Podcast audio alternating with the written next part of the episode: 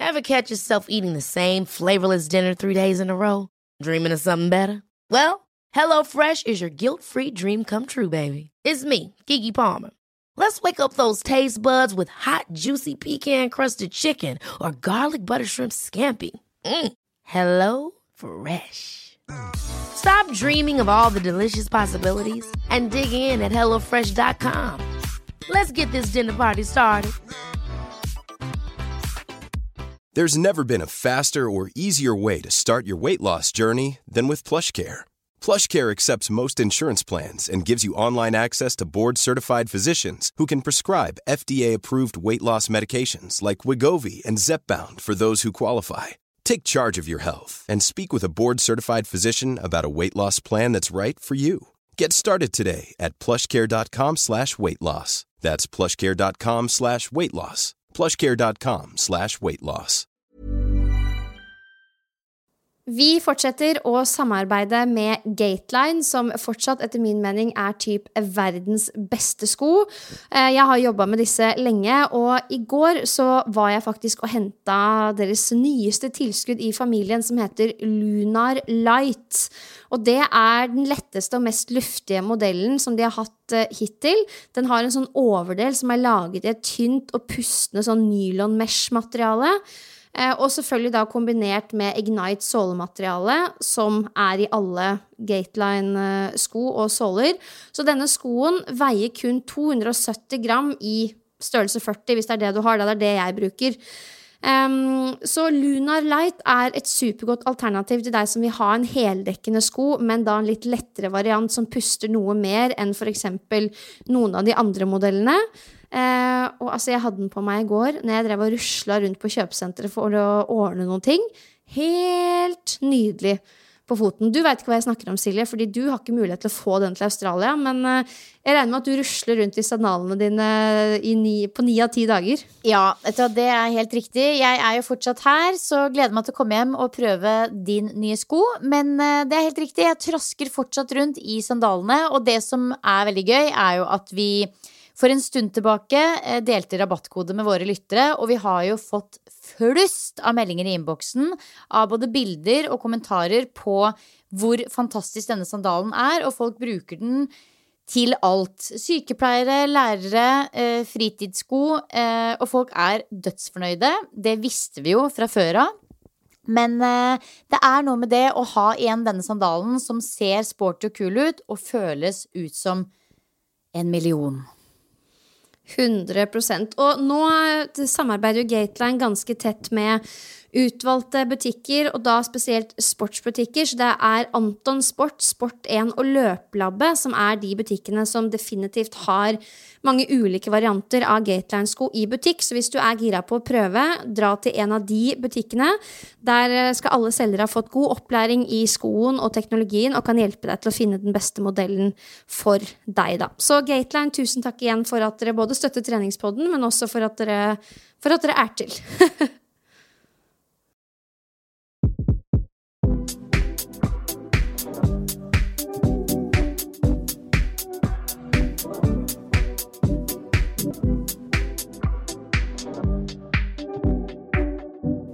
og velkommen til en sommerspesial av eh, Treningspodden. Tidligere så har vi jo liksom tatt oss ferie i juli, men i år så var vi sånn, vet du hva? Vi gønner på. Mistenkte at det var en del som brant inne med noen spørsmål og greier. Det var det. So that's what we're doing.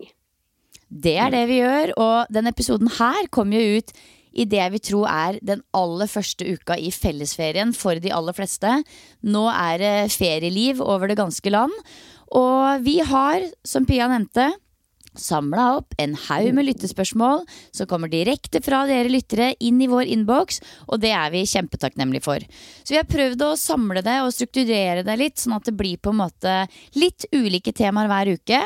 Og denne uka her så var det helt naturlig at det landa på trening og ferietrening. Det stemmer.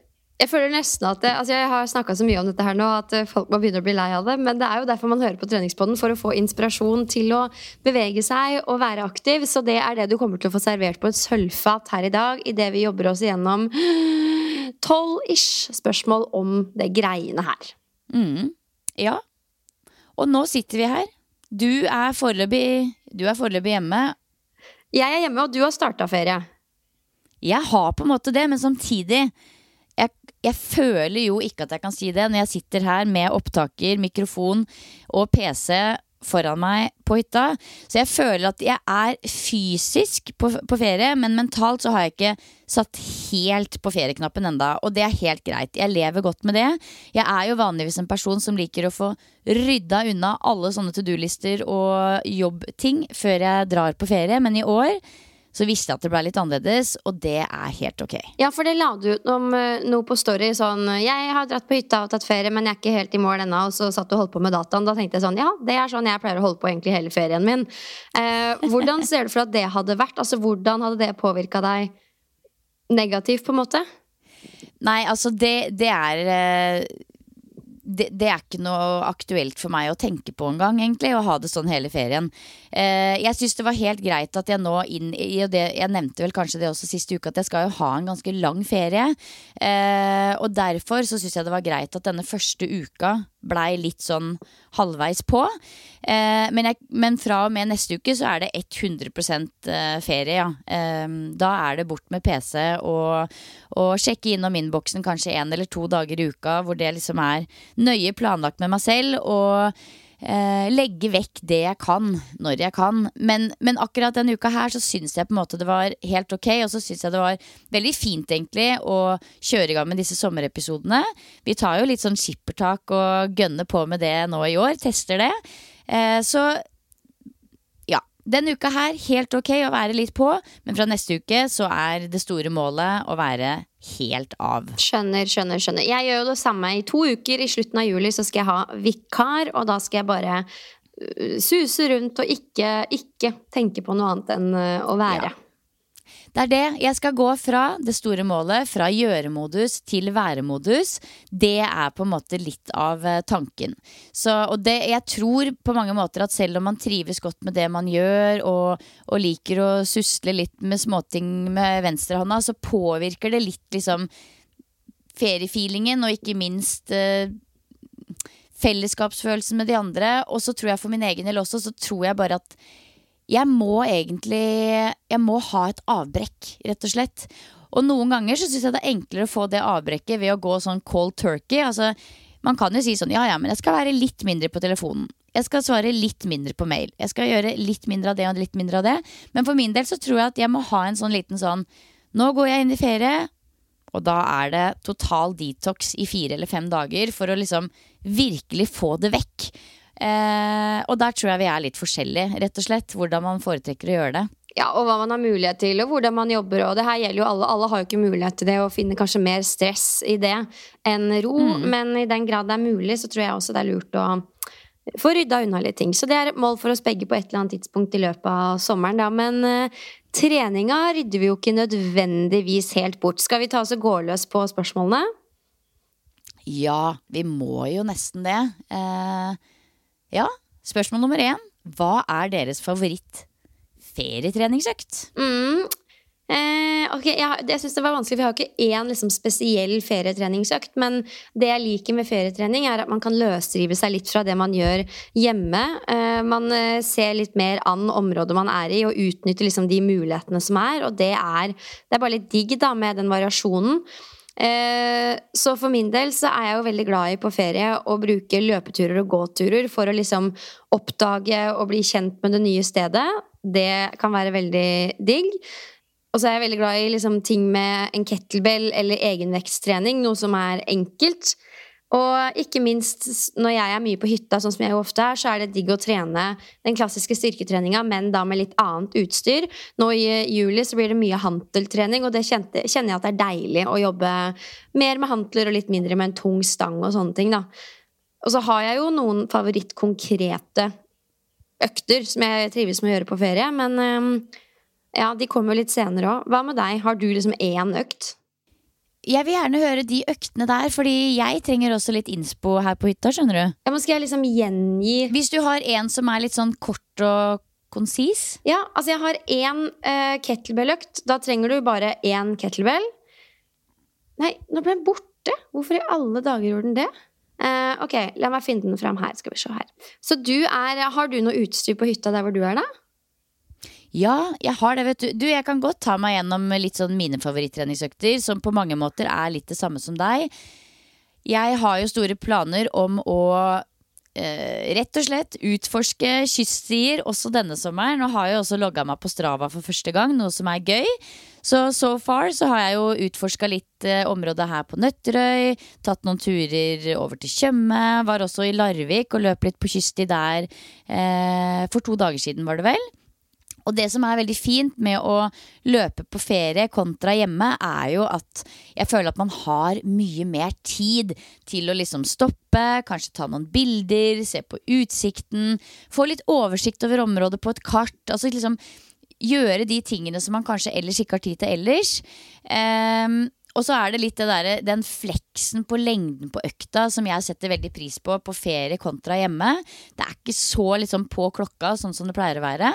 Eh, men jeg er likevel lik her på ferie som, som hjemme i det at jeg liker veldig godt å gjøre meg ferdig med økta litt tidlig på dagen hvis mulig. Mm. Og så har jeg jo selvfølgelig med meg yogamatte, og det er jo noe av det jeg setter aller mest pris på på ferie. At jeg kan starte hver eneste dag med meditasjon og yoga. Eh, og den yogaen trenger ikke å være liksom en 90 minutter sånn der crazy vinyasa-flow på brygga. Det kan bare være rulle ut matta, stille meg opp på alle fire og gjøre litt intuitive bevegelser i et kvarter før jeg setter meg ned, setter på en timer og mediterer. Så det er vel kanskje egentlig liksom, om det kan kalles ferietrening, det er det jeg liker aller best med ferie. At jeg faktisk har tid og mulighet til å meditere ute, gjøre yoga ute og løpe på kyststi uten, eller skogsti for den saks skyld, uten å være på klokka. Um, det setter jeg veldig pris på. Så satte jeg i gang en liten sånn meditasjonschallenge for meg eh, nå i juli, som folk gjerne må kaste seg på. Der hvor målet er å meditere utendørs hver eneste dag i hele juli. Og sånn som i går Altså når jeg satte i gang denne lille challengen, så var det strålende sol. Du vet, 24 grader. Veldig fristende å sitte ute. I går øs, pøs regn og 15 grader. Men da fant jeg meg liksom likevel en sånn liten sånn Sånn, et lite sånn område under tak på verandaen hvor jeg tok på meg ullgenser og boblejakke og hette. Og så satte jeg meg der mens ungene var inne og leste bok før frokost og mediterte litt for meg selv. Og jeg angra jo ikke på det. Så litt sånn uavhengig av hvordan været er og hvor du er, så er jeg overbevist om at det å meditere ute i juli, det vil legge sånn lite sånn deilig preg på hele feriemåneden juli for oss alle sammen. Absolutt. Hva føler du at det å starte dagen med meditasjon på ferie, hva føler du at det gjør for deg utover i, i dagen? Det er jo noe jeg starter dagen min med også hjemme, egentlig. Sånn at det er ikke så stor forskjell eh, sånn egentlig. Men det å gjøre det ute, for min del, det gjør at det på en måte jeg tar meg litt ut av det vante hjulet, og så kan jeg fokusere litt på naturopplevelser, lydene, den friske lufta. Bare igjen da muligheten til å gjøre noe litt annet enn ellers gjør at det liksom setter et lite preg på det å være på ferie. Mm. Så, men sånn generelt all over hele linja så er jeg jo veldig glad i å starte dagen med meditasjon, fordi jeg føler at det er et tidspunkt dag, på dagen hvor jeg er klar. Eh, jeg har ikke liksom brukt opp viljestyrken og fokuset mitt på en haug med andre ting. Jeg setter på en måte en sånn veldig sånn fin hva skal jeg si, en, en, fin start på dagen for meg selv. Jeg tar et møte med meg selv, sjekker inn, kjenner etter hva som foregår på innsida. Eh, og det er jo tross alt, ikke sant, vi er jo oppi vårt eget hode veldig mye. Eh, og det å ha det litt hyggelig i sitt eget hode, det er jo dermed viktig. Så for meg så har det blitt en veldig sånn Nesten litt sånn religiøs start på dagen, faktisk. Hmm. Ja. Sterkt. Nå, mm. tok jeg he nå kuppa jeg hele favorittferieøkta. Jeg er fortsatt veldig spent på din favorittøkt på ferie. Ja, det var den Hvis jeg skal gjengi én økt, da, med, så kan du f.eks. da bruke en kettlebell. Du, helt sånn valgfri oppvarming. Eh, og så pleier jeg å kjøre en amrap på seks minutter. Fire ganger. Så på seks minutter så gjør du så mange runder som mulig av de øvelsene. Og så hviler du ett minutt, og så gjør du seks nye minutter, så du gjentar det fire ganger. Og da blir det liksom snaue 30 minutter med god intensitet. Både pust og puls, men også litt styrke, da. Så sette på klokka. Seks minutter. Og på de seks minuttene gjør jeg så mange runder som mulig av ti thrusters med én kettlebell. Fem pluss fem enarmsro, så fem på den ene siden og fem på den andre. Ti markløft med kettlebell, gjerne med hopp. Ti alternerende pushups til denne kula. Og ti clean til utfall per bein. Så den økta her har jeg også på Instagram. Den må du forklare. Ja, da har du kula på bakken, og så cleaner du den opp til du får den på skulderen. Altså du Fjopp! Rett Og opp så på skulderen. si, hvordan skal jeg forklare kline? Altså, det er en Drar den opp med litt sånn eksplosiv bevegelse til brystet. Yes, lander med bøyde knær, sånn at kula på en måte lander oppå skulderen din. Og så tråkker du rett inn i et utfall. Så det er liksom én repetisjon. Ja, den er ny for meg. Den må jeg teste. Den er sjukt god. Men jeg kommer til å Jeg kan um, Vet du Jeg kan legge link til den økta i episodebeskrivelsen. Gjør vi det. vet jo alle hvordan det er når vi prøver å gjengi eh, økter eh, i podformat. Det går som passe. Ja, det er ikke alltid like enkelt. Altså, Vi hadde en nydelig økt. Vi var på en, vi, Det er en tuftepark i Tønsberg hvor vi alltid kjører mye trening på sommeren. Vi var der i går. Da kjørte vi en deilig familieøkt, så jeg kan godt gjengi den også. Da gikk vi på en måte sammen to og to, der vi kjørte litt sånn supersett eh, mot hverandre, holdt jeg på å si. Da kjørte vi også gobble squat med kettlebell i kombinasjon med chins eller pullups, så mange vi klarer. Deretter over på gående roing i kombinasjon med dips. Gående roing, den var ny. Nei, gående, gående utfall. Men ja, Mm. veldig bra. Veldig godt observert. Så gående utfall i kombinasjon med dips. Og så hadde vi med oss strikk, så vi prøvde oss på først pushup med klapp, og deretter sånne Supermann-pushup, hvor du legger strikket under brystet. Og så tar du en pushup ned, hopper opp og drar armene godt opp med bicepsen inntil øret, sånn at du er ute i en sånn Supermann-posisjon. Helt umulig uten stikk, i hvert fall for meg. Men Hæ, det skjønte jeg ingenting av. Du okay. gjør en pushup. Ok, Se for deg at du har et strikk som du henger opp i en bar. På for Ja. i en tuftepark. Så tar du det strikket under brystet, stiller deg opp i en høy plankeposisjon. Tar deg ned en pushup. Og så tar du deg eksplosivt opp, og istedenfor å klappe, så drar du armene opp over hodet, slik at bicepsen er inntil hodet, inntil øret, i en Supermann-posisjon. Så det er en flying okay, pushup. Å ja, sånn at du flyr som om du hopper i fallskjerm, liksom? Opp i lufta? Nettopp. nettopp. Så det er på en Den måte skulle dere ha med i sirkeløkta deres. Det var veldig gøy. Det, var veldig, altså det, var, det skulle egentlig begynne med at vi skulle ha vanlig pushup, og så blei det pushup med klapp, for det var litt gøy siden vi hadde strikk, og så blei det Supermann pushup, som vi alle blei enige om at vi skulle øve litt på hver dag på ferie. Så hvis noen har lyst til å henge seg på, Supermann pushup. Veldig gøy. Og Ja, men det er gøy. ja, og så avslutta vi med litt sånn, du vet, haren. Mm. Løpe rundt og ta hverandre. For det syns jo spesielt de minste er litt gøy. Så det var en eh, nydelig Tuftepark-økt. Og da- den, den var med en kettlebell for min del, men den kan jo like så godt gjøres uten utstyr for de som er gira på det. Og det er jo det som er med ferietrening. Finn gjerne frem enkle øvelser som kan gjøres med egen kroppsvekt. Hva er harn? Harn, det er sånn at én har den, og så løper den som har den, etter de som ikke har den, for å ta de. Og da er det Ja, de som har heter det harn? Ja, ifølge barna så gjør det det. Ok, ja, ja, da er de fasiten. Ja, det blir en ja. liten sånn intervall, intervalløkt på slutten der. Ja, er du gæren? Og det er jo en veldig gøy måte å trene Altså få opp pulsen og bruke kroppen på. Det er akkurat det. Um, glemte å programmere inn harn i sterkere juli. Det får jeg gjøre. Får jeg huske på i august. Um, Men du, bare for okay. å wrap it up. Vi er jo glad i ferietrening. Det kan vi jo si med en gang. Selv om det ikke blir så mye tradisjonell trening som det vi gjør hjemme, så er vi jo glad i å gjøre noe aktivt stort sett hver dag, egentlig. Og om det er med en kettlebell, om det er å løpe litt på kyststi, gå litt på kyststi, finne seg en tuftepark eller gjøre litt uh, myk yoga på brygga. Altså, vi sier ja takk til alt sammen. Absolutt. Jeg skal blant annet jage gjennom min eh, første pistol squat. Det er sånn jeg klarer til nøds én, men jeg bare Jeg mister den øh, hvert år. Altså det er, øh, så den skal sitte igjen i løpet av um, sommerferien. Det er en klassisk øvelse som må vedlikeholdes, litt sånn som med pullups. Ja, og jeg gjør den jo bare om sommeren, så sånn er det. Du, eh, spørsmål nummer to, det er jo har dere noen gode hel helkroppsøkter med kettlebell som man kan gjøre på hytta? Ja, ikke sant? Da har jo du allerede gitt én. Jeg kan Jeg har flere, jeg. Men... Ja, ikke sant? Og det som er med kettlebell, er jo at du kan jo også legge opp gode økter der hvor noen av øvelsene er med kettlebell, og noen av øvelsene er uten kettlebell. For eksempel har du én kettlebell på hytta og ønsker å trene sammen med en annen, så går det an å kjøre supersett med en annen person, sånn at du kjører Én kjører en øvelse med kettlebell, én kjører en øvelse uten kettlebell. Egentlig litt sånn som vi gjorde i går.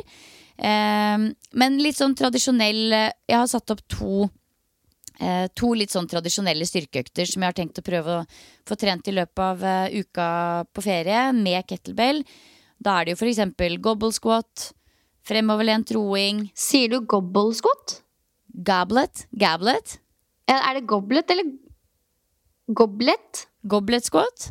Hva sier ja, du? jeg usikker. på- Nei, jeg sier goblet squat, men det hørtes ut som du sa gobbel.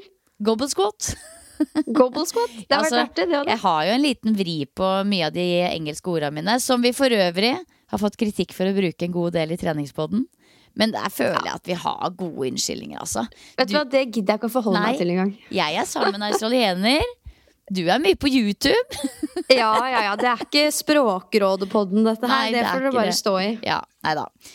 Jo da, men jeg er enig i det. Vi har mye gode, fine ord på norsk, men akkurat det gidder jeg ikke å ta tak i sånn akkurat nå. Men uansett.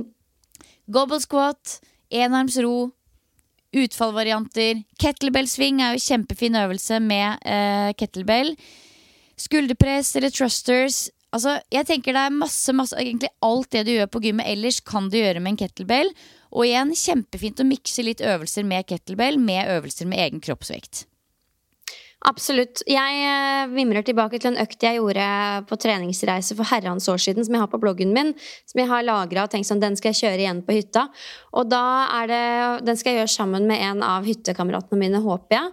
Og da er det en kettlebell på 16 kilo. Først så er det tre runder med at du løper 200 meter. 20 kettlebell swings, 20 goblet squats, 20 Og pushups. dæsken. Ikke sant? Jeg, jeg var helt vill før. Det der høres helt grusomt ut. Jeg koste meg. Det står her, i at jeg koste meg veldig med det. Det er bare løgn, vet du. Så løp 200 meter, og så um, tre runder av 20 kettlebell-sving, 20 goblet squat, 20 pushups. Og så neste er løp 200 meter, og så 20 burpees, 10 pluss 10 enarms push, eh, push press, og 10 pluss 10 ettbeins markløft med ro. Tre runder, og helt til slutt 200 meter løp. 10 pluss 2 enarms trusters, 10 pluss 10 enarms clean og 100 jumping jacks tre runder der òg. Det er den sjukeste økta jeg har hørt om. Men veldig gøy hvis man har litt ekstra mye ja bak i hodet en dag. Da kjører dere den eh, råtassøkta til Pia her. Og så blir du ikke ferdig før det har gått liksom tre timer. Ja, men jeg gleder meg til å teste det, bare for å se sånn hvor lenge holdt jeg på? Hva er dette her for noe? Jeg føler Nå er vi mye mer sånn enn 20 minutter, og så er man fornøyd, liksom. Men uh, det her kan jo passe veldig bra på ferie hvis man um, har mye overskudd, spiser mye bra mat og vil liksom Gønne på litt. ta seg litt ut, da. Ja, mm. absolutt. Uh, ok, moving on. Spørsmål nummer tre. Hva er deres favorittøvelse for skuldrene med tanke på muskelvekst? Jøss, på Altså- ferie, da, eller? Ja, men jeg tror jeg tror eh, det er en del spørsmål som er på en måte om både trening og ferietrening. Og ja, skuldre. Det er jo noe folk er interessert i å trene, det også. Eh, og egentlig så er det jo litt sånn at de aller fleste styrkeøvelser er jo på en måte fine øvelser med tanke på muskelvekst. Det kommer jo litt an på hvordan du legger det opp med tanke på rep og, og sett og hvor mye du eh, legger på eh, i forhold til belastning. Men eh, ja, jeg er veldig glad i ulike typer styrkeøvelser for skuldrene. For eksempel skulderpress, enarms eller tradisjonell militærpress med stang, for eksempel. Eh, men det er også fint, jeg tror mange glemmer det, å legge inn litt sånn ekstra fokus kanskje på bakside skulder. Det er også gull.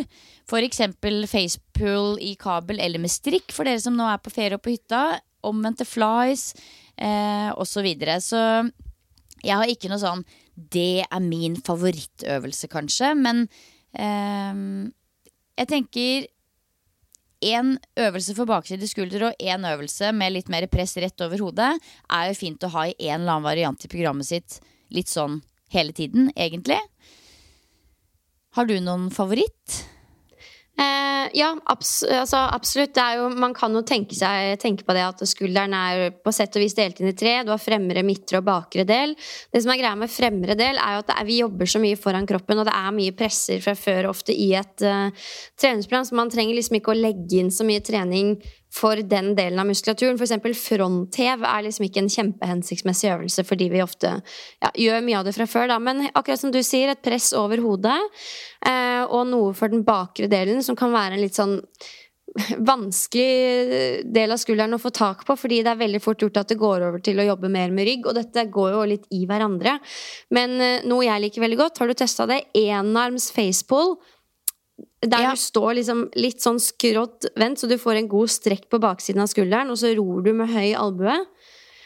Eh, den liker jeg veldig godt for bakre del. Og så må jeg si en favoritt for midtre er sidehev i kabel. For da får du liksom en veldig sånn jevn belastningskurve. Eh, og så liker jeg da å stå og lene meg litt utover, så jeg holder meg i kabelen, og så lener jeg meg til siden. Sånn at jeg liksom står sånn skrått og velter ned mot gulvet, men så velter jeg ikke ned mot gulvet fordi jeg holder meg i kabelen, skjønner du? Mm. Ja.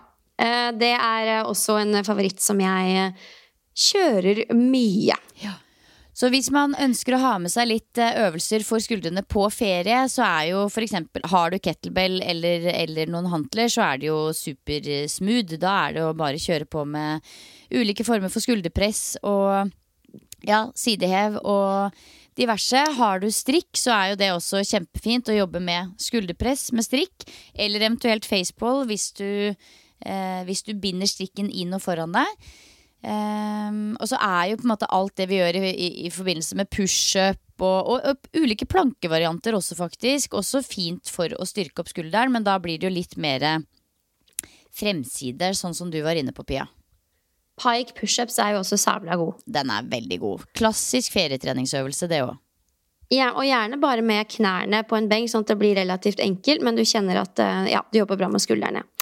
Eh, yes, Neste spørsmål. Hvordan gikk Silje fram for å lære å gå på henda, som er sjukt imponerende for øvrig? Nummer én, det er jeg åpenbart helt enig i. Nummer to, hvorfor har du ikke lagt ut en sånn 'herregud, jeg klarte det'? post, for du klarte det jo. Jeg så ja, på ja, storyen din her om dagen at du klarte det. Ja da, jeg, jeg, jo, jeg klarer det. Gikk på henda som en uh, gærning her på Tufteparken i Tønsberg i går. eh, jo, den posten skal jeg legge ut. Det er jo veldig mange som har sendt meg melding også og spurt hva skal jeg begynne med, på en måte. Andre som har lyst til å lære seg å gå på henda. Så den, ja, den kommer. Så takk for den lille pushen der. Det som er med det å gå på henda, er at uh, jeg starta jo for et helt år tilbake. Og det er det jeg snakka med ungen om det i går, faktisk. For vi begynte jo på den reisen sammen. Og så trente vi masse sammen i fjor sommer, og så har de på en måte falt litt av lasset. Og sånn som jeg sa til de, at jeg har trent bitte litt hver uke i et år nå, og det er nok, på en måte. Det er det som skal til. Eh, det er egentlig, selv om ett år høres utrolig mye ut, så er det så lite egentlig i et litt sånn langtidsperspektiv når det gjelder det å lære seg en skill.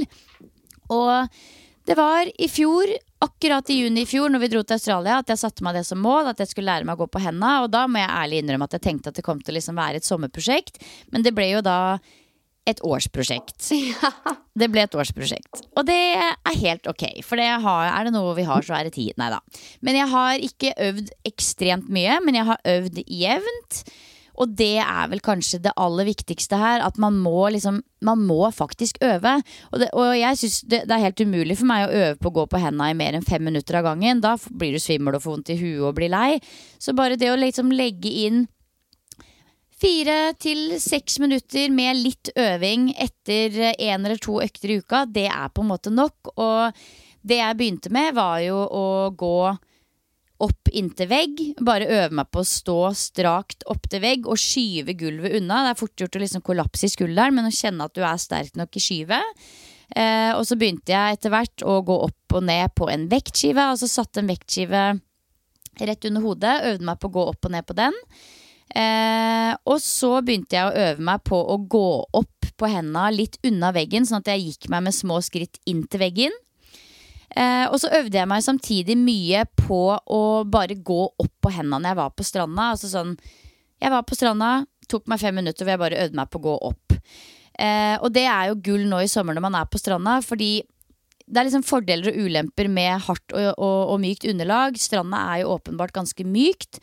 Det gjør at det er vanskeligere å lære seg å gå, men det er jo mindre skummelt. Så det som er gull med å gjøre det på stranda i sommer, folkens, hvis dere er gira på å prøve, det er at du kan øve deg på god fallteknikk. Eh, og det er litt sånn viktig. Man må lære seg å falle riktig, altså rett og slett slå hjul over. Eller komme ned samme veien som du kom fra. For det som er skummelt med å være opp ned, er jo den derre skrekken for å falle rett over. Kadysj.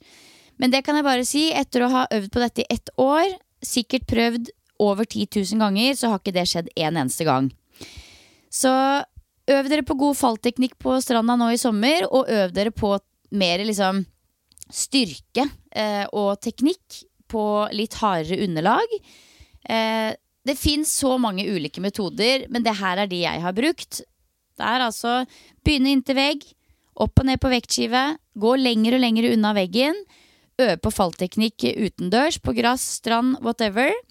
Og så er som, som jeg nevnte også, det aller viktigste er å legge inn jobben. Altså det er ingenting som Det er ikke sånn at du liksom plutselig Så det er virkelig baby steps, på en måte. Og så en annen ting som jeg også vil tipse om, som jeg var litt treig på, det er å tørre å gå langt nok over. Du kommer ikke til å falle over. Man må litt lenger over enn det som føles komfortabelt for å kunne begynne å gå. Eh, så det er vel kanskje de tipsa jeg eh, kan si som jeg har benytta meg av. Men igjen, jeg tror det fins mange ulike metoder. Høres bra ut. Veldig veldig bra jobba. Ja, i hvert jeg kan også si én ting. Som jeg, så når jeg var inne i, i dette her i fjor sommer da, og fant masse YouTube-videoer, og sånne ting, så fins det jo tusen forskjellige teknikker. Det er veldig mange jeg fant der som jeg ikke har benytta meg av. For eksempel så var det veldig mange som sa at du må lære deg å ta sånn rulle. Altså når du er opp ned, så skal du trekke haka inn med haka og rulle over. For meg er det helt, helt sånn mindfuck. Jeg klarer ikke det. Jeg syns det er kjempeskummelt. Mye bedre for meg å øve på fallteknikk ved å slå hjul. Så ja, man må finne litt sin greie. Og når det er sagt, så Jeg er ikke rutinert, rutinert, rutinert. Det er sånn jeg er, eh, holder på med dette her, sånn som i går. Så må jeg kanskje opp og prøve tre-fire ganger før jeg klarer å liksom begynne å gå ordentlig. Sånn at det er ikke sånn Jeg er ikke Ruth Ruttesen enda, men jeg klarer det. Mm. Ja, det er sikkert viktig å være trygg på å falle. Det er sånn De få gangene jeg har prøvd, og det jeg kan telle på én hånd, så føler jeg meg som en sånn Har du sett Transformers, når de svære robotene liksom deiser i bakken? Ja, det- sånn føler jeg meg. Ja, det har blitt noen sånne deis i bakken. Det har det, men det er på en måte litt av moroa. Jeg har virkelig holdt på med dette mye nå. Jeg er ikke en person som tar ting enkelt. Og jeg tror det er det som er så jeg tror det er, Når man ser folk som går på henda og gjør ulike typer triks, så tenker man sånn åh, det er så enkelt for de. Men det er ikke nødvendigvis det. Det er ikke enkelt for meg. Jeg er på ingen måte en sånn kroppskontroll, uh, unikt fenomen i det hele tatt. Det tar meg lang tid. Så ja, et lite mål jeg har i løpet av sommeren, er å tørre å gå på henda bortover brygga, og deretter falle ned i vannet. Gøy. Ja, det er partytriks. Det blir ikke gøyere enn det. jeg elsker det. Jeg syns det er skikkelig imponerende at du setter deg mål, og så bare Det er som jeg sa til Tommy når vi drev med muscle-ups, og han jobba seg sakte, men sikkert opp mot å klare 100 kilo i snatch, og det er bare sånn Jeg blir så imponert og fascinert når folk klarer å si sånn Det skal jeg få til. Jobbe, jobbe, jobbe, jobbe, jobbe. Holder kontinuiteten, fortsetter å jobbe. Og så får man det til. Det er jo trening. Det, det er så enkel trening, men det er ikke så lett å få til i praksis. Det er akkurat det, og det var det jeg sa til kidsa mine i går også. At tenk det, dere. Hvis dere hadde fortsatt å øve bitte litt på fotballbanen hver uke, så hadde dere så lett gått på henda nå, dere også. For det er, det er det det handler om. Å stå i det og ikke gi seg. Åh, Smooth å kunne gni det inn i trynet deres hele sommeren. Ja, de kan en del skills som ikke jeg kan, da. Så ja, det jevner seg greit ut der. Ja, eh, Neste spørsmål. Trene på hotellrom, yay or nay? Yay! Men samtidig litt nei, hvis man har muligheten til å trene Altså jeg er litt sånn, Hvis du har muligheten til å gjøre det utendørs, Ja. så burde du gjøre det. Men det er klart hvis du er uh, i en storby og liksom, Det er en fin måte å få det unnagjort kjapt før frokost. på en måte Altså Du har gode muligheter til å få trent inne på et hotellrom. Absolutt. Altså jeg tenker litt som deg. Har man muligheten til å gjøre det ute, of course, det er ikke noe å tenke på engang. Ta det med ut. Og når det gjelder sånn som eksempel storby, i Europa. Da. Det kan jo bli veldig varmt å trene ute, og spesielt inne i sånn storbyfeeling, og du har ikke lyst til å løpe rundt blant folk og sånn. Men ved å sette på klokka litt ekstra tidlig og få byen for deg selv Altså, det er ingen opplevelser som er så sterke som det. Å f.eks. løpe rundt i Paris, som jeg gjorde for noen år tilbake. Tidlig, tidlig på morgenen bare være en del av det bybildet før alle andre har våkna, på en måte. Det er, det er, virkelig helt unikt. Men når det er sagt, noen ganger så trenger man bare liksom 20 minutter smukk, smukk på hotellrommet for å få det på, få det gjort. Og det er virkelig lite gullplass som skal til for å få til en treningsøkt. Man kan jo også bruke senga eller andre møbler som er tilgjengelig til for eksempel, eh, holdt jeg på å si, denne pushupen vi var inne på i stad. Skulderpress-pushup, kan vi kalle den den? Eller pike pushup. Der hvor du står med knærne eller tærne på f.eks. en stol, rumpa til værs, skyver deg ned og opp i en pushup. Eller f.eks. bulgarske splittbøy. Altså, det fins muligheter. Eh, hvis man skal hoppe, tenk myke landinger, sånn at de under Slipper å våkne til treningsøkta di.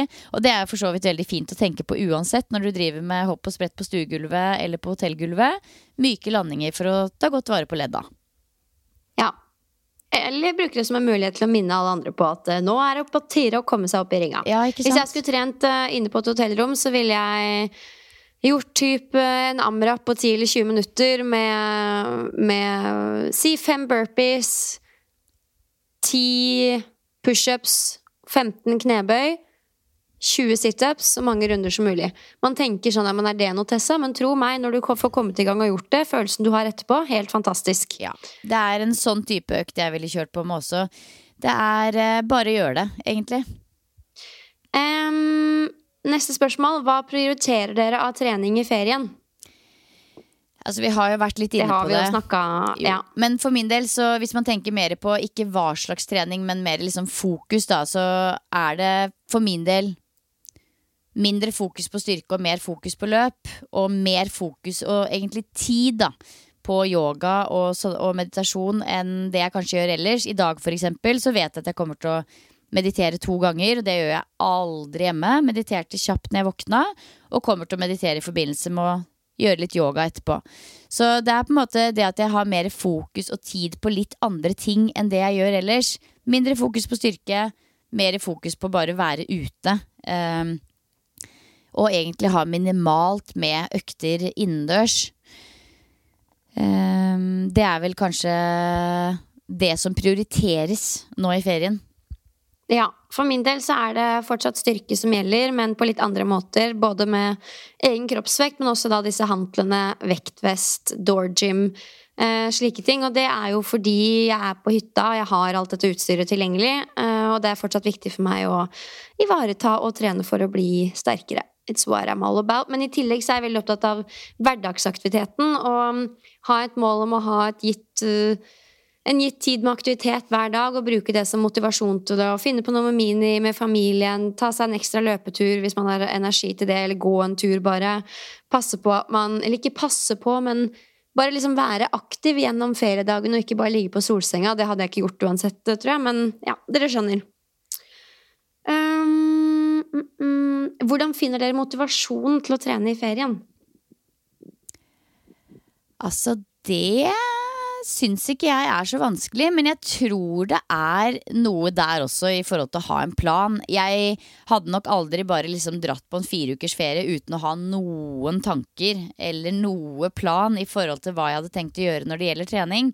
Eh, og idet jeg setter meg ned og liksom skriver ned planen og strukturerer den og legger opp planen, så kjenner jeg at det liksom sniker seg på en sånn boblende motivasjon allerede i det arbeidet, hvis du skjønner. Eh, at det på en måte er noe som jeg legger inn i to do-lista mi uka før ferie, eller to uker før ferie. At jeg skal lage ferietreningsplanen min. Og så finner jeg veldig mye motivasjon idet jeg begynner å gjøre det. Eh, mens hvis jeg plutselig hadde landa på ferie, det var litt armer og bein, kaos, og så bare åh nei, nå har det gått fem dager siden siste økt, skal jeg bare drite i det. Da blir plutselig motivasjonen litt sånn der fjern greie langt der borte som man la igjen når man dro på ferie, på en måte. Eh, så for min del så handler det i hvert fall mye om å finne motivasjon i å ha en plan. eh, lager en liste med sjekkpunkter. Altså Vi har en sånn liste på veggen her nå på hytta med sjekkpunkter, der hvor én er sånn sommerplaner i 2023, der hvor alle skriver ned ting de har lyst til å gjøre. Eh, og så har vi en liste som er meditasjon. Pappa og mamma, så setter vi en strek hver gang vi har gjort det. Og så har vi en liste hvor det står styrke mamma og pappa, og så setter vi en strek på den veggen. Og det er jo sånn som kan bidra til å gjøre det litt motiverende. Hvis man lager en sånn liste på veggen med det man liksom ser for man har lyst til å gjøre av eh, type ferieaktiviteter eller ferietrening, og så krysser man av checkpunkt eh, hver gang man har gjort det, det er litt ekstra motiverende. Eh, man kan lage en familiekonkurranse ut av det også.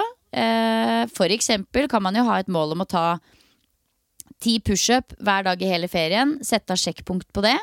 Eh, eller bare avtale hvis man vet at man er en person som liksom plutselig faller litt av lasset på ferie, avtale med de rundt at man skal liksom booste hverandre og motivere hverandre litt ut, underveis. Ikke sånn herre Skal ikke du trøne snart, da? Men litt mer sånn Skulle vi tatt oss en økt snart sammen, eller noe? Altså sånn At man kan avtale det å liksom booste hverandre litt underveis, da tror jeg kan være fint.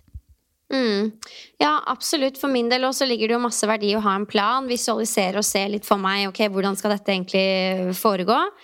Um, du, kan jeg bare jeg... si en ting, Pia? Jeg er på hytta, og de andre i familien De har dratt for å surfe, så jeg er her aleine. Og nå kom det akkurat en feier som skal fikse pipa.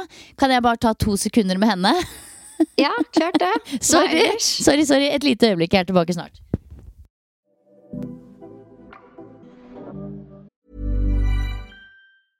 Ever catch yourself eating the same flavorless dinner three days in a row? Dreaming of something better? Well, HelloFresh is your guilt-free dream come true, baby. It's me, Kiki Palmer. Let's wake up those taste buds with hot, juicy pecan-crusted chicken or garlic butter shrimp scampi. Mm. Hello Fresh. Stop dreaming of all the delicious possibilities and dig in at HelloFresh.com. Let's get this dinner party started. Ryan Reynolds here from Mint Mobile. With the price of just about everything going up during inflation, we thought we'd bring our prices down. So to help us, we brought in a reverse auctioneer, which is apparently a thing. Mint Mobile unlimited premium wireless. Ready to get 30, 30, bit to get 30, bit to get 20, 20, 20, bit to get 20, 20, bit to get 15, 15, 15, 15 just 15 bucks a month.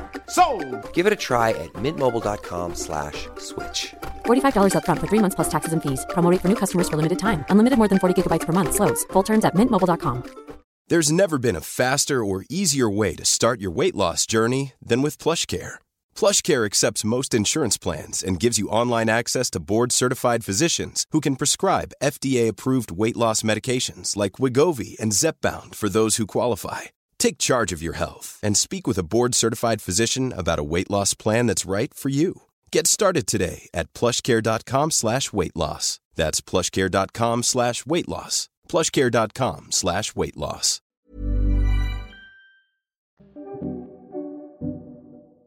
Nå er jeg tilbake. Beklager det. Fortsett der du slapp, Pia. Motivasjon. Hvor finner du motivasjon? Nei, altså For min del så ligger det mye i det samme som du beskriver. Å lage en plan det er jo heldigvis noe jeg får litt gratis i og med at jeg programmerer for sterkere og trener med Trentgjengen. Og um, ja, når jeg gjør det, så kan ikke jeg ikke gjøre det jeg har sagt at andre skal gjøre. Så det holder meg jo litt gående.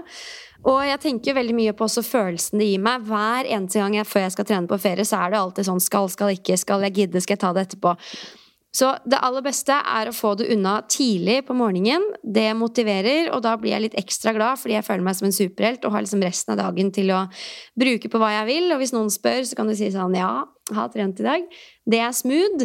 Eh, og så bare smaker også både avslapning, men også maten og kosen mye bedre når man har litt trening i kroppen. Eh, du tar imot næringa på en bedre måte. Den brukes til å også gjøre deg i bedre form, bygge deg opp igjen etter at du har brutt kroppen ned på trening. Og den tanken, den liker jeg, da. Det er en sunn sirkel. Så, så motiverer det meg også å tenke på at jeg holder ting ved like. Sånn når jeg kommer hjem igjen, så er det ikke som å starte på nytt, da. Så ja, i korte trekk, det er det som motiverer meg. Mm. Um, neste spørsmål. Når noen sier 'jeg løfter 100 kg markløft', er det kun vektskivene, eller inkluderer det stanga? Det inkluderer stanga. Som stort sett veier 20, men noen ganger kan den også veie 15. Og der er det fort gjort å bli lurt. Ja. Og hvis du gjør det med trap bar, så er det umulig å si, Fordi da du, man vet aldri helt akkurat hvor mye den veier, med mindre det står på. da Ja. Så da kan det være litt sånn der eh, Ja, da, si, da sier man, logger man bare med vektskivene, da. Ja, men på, med vanlig, tradisjonell stang så står det stort sett på siden hva den veier, og i veldig mange av tilfellene så vil den veie 20 kilo. Ja. Eh, neste spørsmål. Skal dere trene hver dag i ferien? Jeg skal ikke trene det som er, kall det tradisjonell trening, men jeg gjør noe aktivt hver eneste dag, ja. Og det er uansett om det regner sidelengs og er 15 grader, og uansett om det er 27 grader og strålende sol. Noe aktivt gjør jeg hver eneste dag, for det får meg til å føle meg kjempebra, og det er veldig viktig for meg å føle meg bra. Eh, men det som er klassisk trening, nei. Hva med deg? Nei, nei samme her egentlig. Og jeg, jeg tror kanskje jeg skal bruke ferien til å teste ut og ikke trene styrke i uka før mensen. Fordi de siste månedene så har jeg liksom hatt influensafølelser i kroppen og skikkelig vondt i hodet ja, uka før mensen kommer. Eh, og jeg føler at den, eller den verkinga i kroppen forverres av at jeg trener styrke. Og altså styrke for meg, det er ganske sånn tungt. Eh, Det er krevende trening jeg gjør, så jeg skal prøve nå i ferien at ja, uka før det så gjør jeg det ikke, da. Da blir det mer bare sånn gåturer og lett egenveksttrening. Det syns jeg er sykt spennende. Eh, det må vi jo høre mye mer om i løpet av eh, holdt jeg på å si, sommeren, eller på slutten av sommeren, hvordan det har gått. Og nå tror jeg sant, Det er jo sånn at de kvinnene du henger mest med, de får du synkron mens med. Nå har vi synkron mens. Ja, har vi, skal du ha det nå hvert øyeblikk? Ikke hvert øyeblikk, men, Ja, men du- en gang neste uke. Ja, samme her. Track, Ja. Tracker du Jeg mensen? tracker. Ja, Tracker. Gjennom. Flo. Ja, ja, ja, Ja, herregud. det er en veldig fin app, så for dere som har lyst til å tracke Flo er en superapp. Eh, og jeg har, jeg har nemlig lagt merke til det, at vi har synkron mens. Og det er klassisk med de damene man møter ofte. De eh, får man ofte synkron mens med. Spesielt hvis Ja, man bor i samme hus. Det er gøy. Um, ja, og det, jeg, det, jeg lar meg fascinere av hvordan denne syklusen um, påvirker meg. Så uh, det er to ting jeg skal teste ut, og som jeg også har, test, testa litt ut og føler at funker. Uka før mensen, når jeg i gåseøynene føler meg som verst, roe ned litt på den tunge styrketreninga og spise en del mer karbohydrater enn det jeg pleier. Uh, Hva, hva ikke- tror- hvor, hvor har du hørt av det?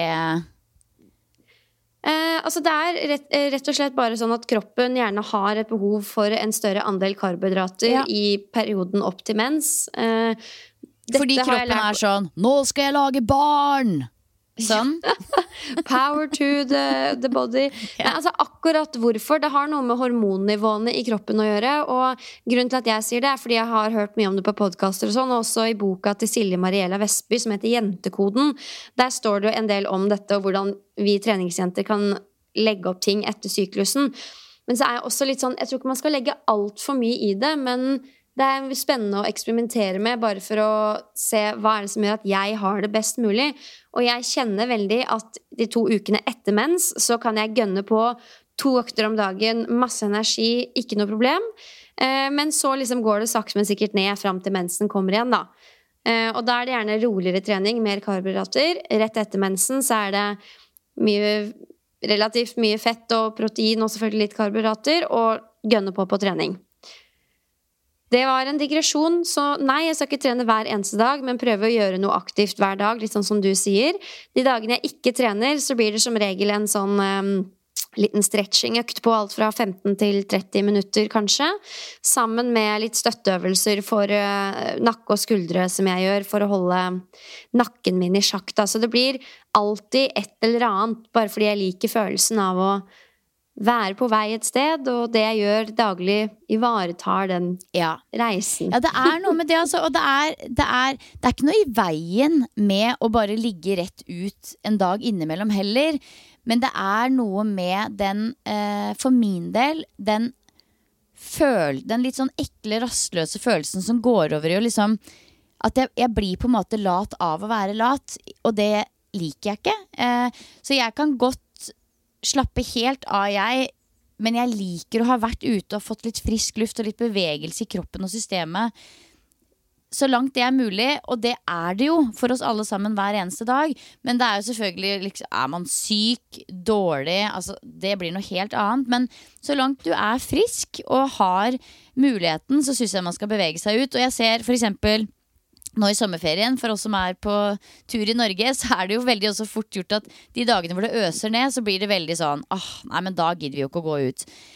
Men den derre cabin fever-følelsen, det er jo ingenting som kommer fortere enn den følelsen der av å være innendørs på en hytte i øs pøs regn med en gjeng andre, og så blir man litt sånn sure og rastløse og, og kjipe, og da blir på en måte tonen så mye annerledes og så mye kjipere enn det den hadde vært hvis man hadde gjort noe aktivt sammen likevel.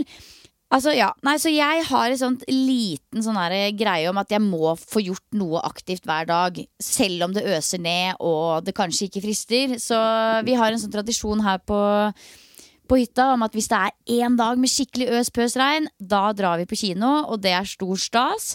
Eh, det er sånn vi egentlig sjelden gjør ellers, og da blir det ekstra stor stas. Og i morgen så er det meldt øs-pøs-regn. Og da skal vi sannsynligvis på kino, da, vet du. Men før det så må vi ut og gå en tur, eller aller helst kanskje løpe en tur på kyststid. Så det har jeg allerede lagt inn liksom, forslag på, og alle har eh, vedtatt at det er greit.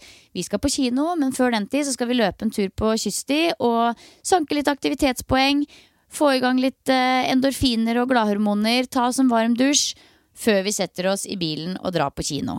Og Det er litt sånn, det gjør liksom at hele opplevelsen blir litt diggere enn å bare liksom gå rett fra lunsjbordet, vært inne hele dagen, og så sette seg i en kinosal. Det blir ikke helt det samme. Så, men jeg tror det er mye, mye mulig vi og, og, kanskje noen andre også er litt skada på disse tingene. Men for min del så ser jeg på det som en gode å ha med seg i livet. At man har den derre der, Det behovet og den trangen og det suget etter å liksom få litt frisk luft, få bevega litt på kroppen før man setter rumpa ned og gjør ingenting. Eh, og alt er, alt er, helt supert. Det er veldig digg å sitte seg rett ned på rumpa og ikke gjøre noen ting, men det er liksom litt sånn at det ene fyller på eh, det, det, må være en balanse der på et vis, da. Absolutt. Yte for å nyte. Ja. Um, nest siste spørsmål. Hva er forskjellen på crossfit og trening med egen kroppsvekt? Jeg lar Pia ta den, altså. Uh, ja. Nå tenker jeg sånn, ligger ikke det i spørsmålet? Er dette noe Selvfølgelig, nei. nei men jeg uh, altså, tror cross... mange tenker at crossfit er liksom Det er trening med egen kroppsvekt. Ok. Ja, crossfit er jo enkelt og greit en uh, egen treningsform som har vokst fram. Starta i uh, America, og nå er det jo en verdensomspennende idrett. Der du gjør mange ulike ting. Det er liksom et kaos av treningsaktiviteter som uh, samles i um, i sporten crossfit. Og det er med, med stang og vektskiver, det er med ringer, det er med hantler, det er liksom med alt mulig, også ting med egen kroppsvekt, men uh, veldig mye annet også.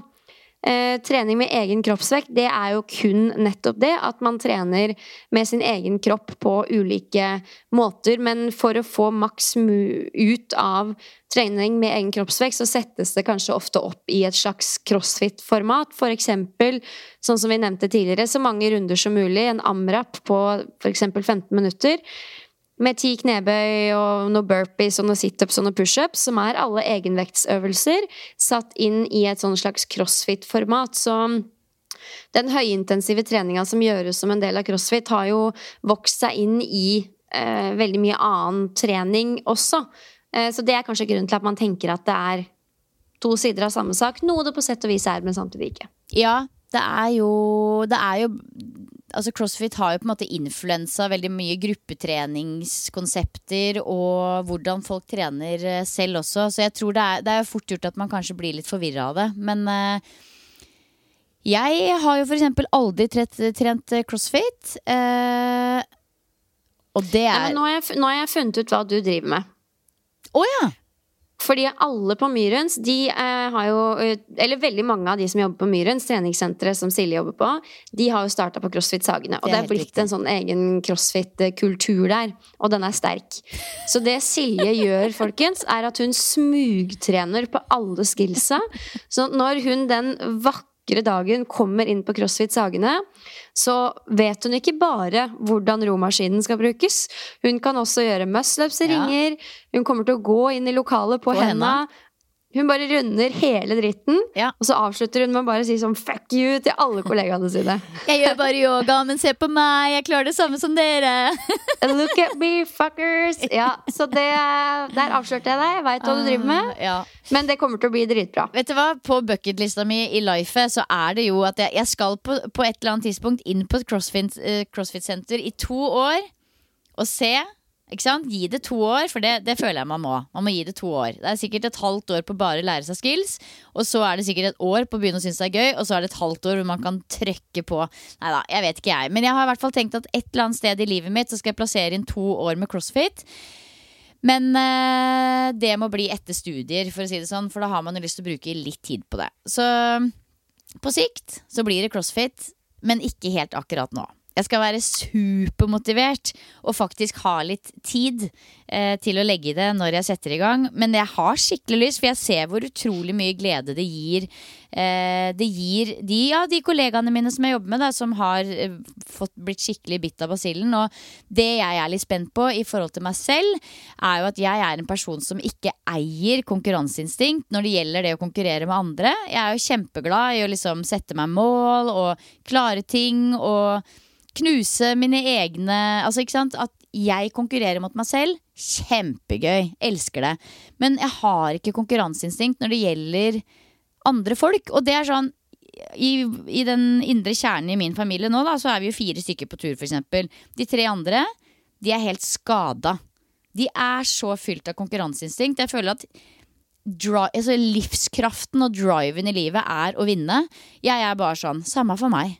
Og det, det, det er Og det er liksom en sånn motivasjon som jeg føler sånn Kunne jeg ikke hatt en liten Liten bit av det, liksom? For da tror jeg helt seriøst mye hadde blitt mye gøyere. Så det jeg håper med crossfit-eksperimentet mitt på sikt, er at jeg kan bli en sånn person som har litt konkurranseinstinkt. Ja, men det tror jeg blir litt pusha fram av at man er i det miljøet. Men det beste og viktigste er jo å ønske å konkurrere med seg selv. Um, Ja, det gjør jeg jo hele tiden. Der, Ja, er, der er jeg rå. Det sa jo han Altså, har du hørt noe på han derre Pimp Lotion på Wolfgang Wie-podkasten? Nei, jeg har så Altså, jeg har arkivert så mange av de episodene, og det er sånn de er jo så forbanna lange, så det er sånn på do-lista på nå i sommer, faktisk, å høre gjennom. Men nei, har ikke kommet så langt. Ja. Hør gjerne den siste om protein, for det um, Altså, det er jo så fascinerende med han. Han er jo en rapper som er i overkant interessert i, i alt innen helse, og er jo en lesehest. Så man skal jo ta han med en klype salt. Han er jo kontroversiell og liker å provosere og irritere, men så kommer man liksom ikke bort ifra at han kan jo mye av det han snakker om, og eksperimenterer med veldig mye av det. Uh, så og den episoden om protein, den var um, interessant og totalt blotta for miljøperspektivet når det kommer til protein. Så eh, spennende å høre hva du syns om den. Men eh, han sa det. Han er jo ekstrem og tester de sjukeste ting. Og han var bare sånn Jeg driter i hva alle andre gjør. Min største motivasjon er å utvikle meg selv og slå meg selv. Jeg tror at det i veldig mange tilfeller og det vet vi også fra motivasjonsteori, at det er hensiktsmessig å, å liksom klare å luke ut alle andre og være fokusert på sin egen fremgang framfor å fokusere på andre rundt seg. Ja, Ja. absolutt. Så eh, ja, jeg skjønner ikke hvordan jeg klarte å trekke inn Pimp Lotion her nå, men det er vel fordi ja, ja, jeg hørte den proteinepisoden i går, studerer dette her med protein på kurset mitt, og ja, mye tanker. Um, tips til økter uten utstyr. Altså Sirkeltreningsøkter, amrap-økter som vi har vært inne på, as many rounds as possible. Finn noen øvelser. Finn en tid, f.eks. ti minutter, og gjør så mange runder som du klarer på den tiden. Altså, egentlig så kan du jo gjøre eh, øvelser uten utstyr på helt lik måte som de øvelsene du gjør med utstyr på gymmet, men kanskje du legger til flere repetisjoner og litt mer sånn snert, kraft og tempo i bevegelsene. Eh, og prøver å inkludere øvelser med så store eh, muskelgrupper, sammensetning av muskelgrupper som mulig. Det tenker jeg er eh, tre fine faktorer å ha med seg. Absolutt. Jeg kommer til å prøve å dele litt egenveksttrening på Instagram i juli, så sjekk ut meg der for å få litt inspirasjon. Og så vil jeg også slå et slag for um, bakkeintervaller med noen. Ja. Rett og slett bare ta med deg en venn og være sånn Nå skal vi løpe opp denne bakken ved siden av hverandre. Enten dere vil eller ei, så kommer dere til å ville løpe fra hverandre. Det blir et dritbra drag opp en bakke. Dere rusler ned uh, sammen igjen, og så gjentar dere det x antall ganger. Jeg kan liksom nesten garantere at det blir en god økt, fordi man bare drives så veldig av at noen løper ved siden av en, da. Jeg Og med det ja, altså med det så har vi jo faktisk runda en 60 minutter. Det spørs om alle sommer eh, omtrent, altså. Det spørs om alle sommerspesialepisodene blir like lange som denne. Men akkurat ferietrening, det er jo folk veldig interessert i akkurat nå. Så jeg håper at uh, du som har hørt på, sitter igjen med noen tanker i eget hode om hvordan du ønsker å trene nå i sommer, og ikke minst hva du kan gjøre. You can do it. Ha en nydelig ferie, og så poddes vi igjen om en uke. Det gjør vi. Ha det godt.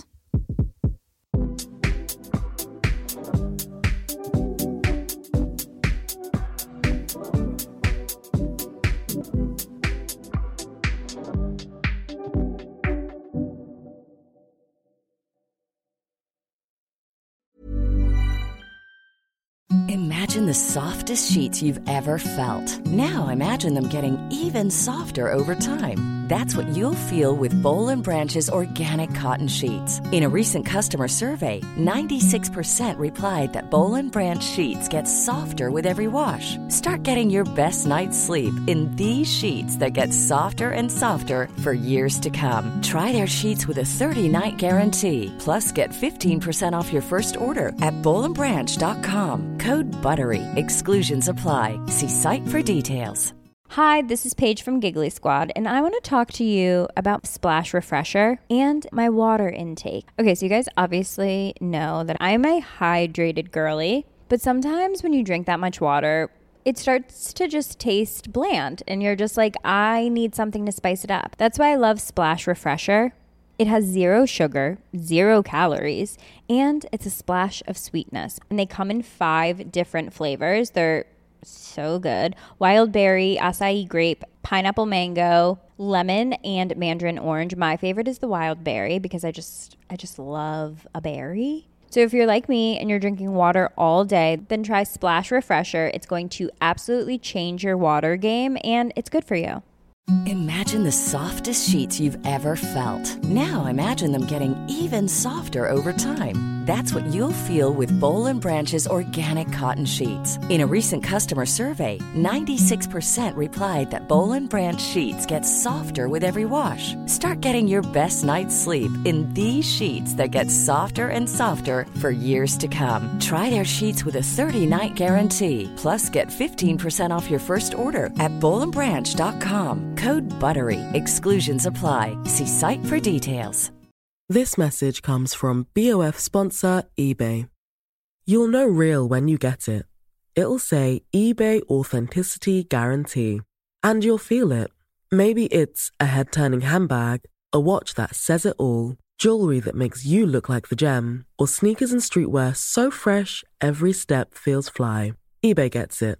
So look for the blue check mark next to that thing you love and be confident that every inch, stitch, sole, and logo is checked by experts. With eBay Authenticity Guarantee, you can trust that feeling of real is always in reach. Ensure your next purchase is the real deal. Visit eBay.com for terms.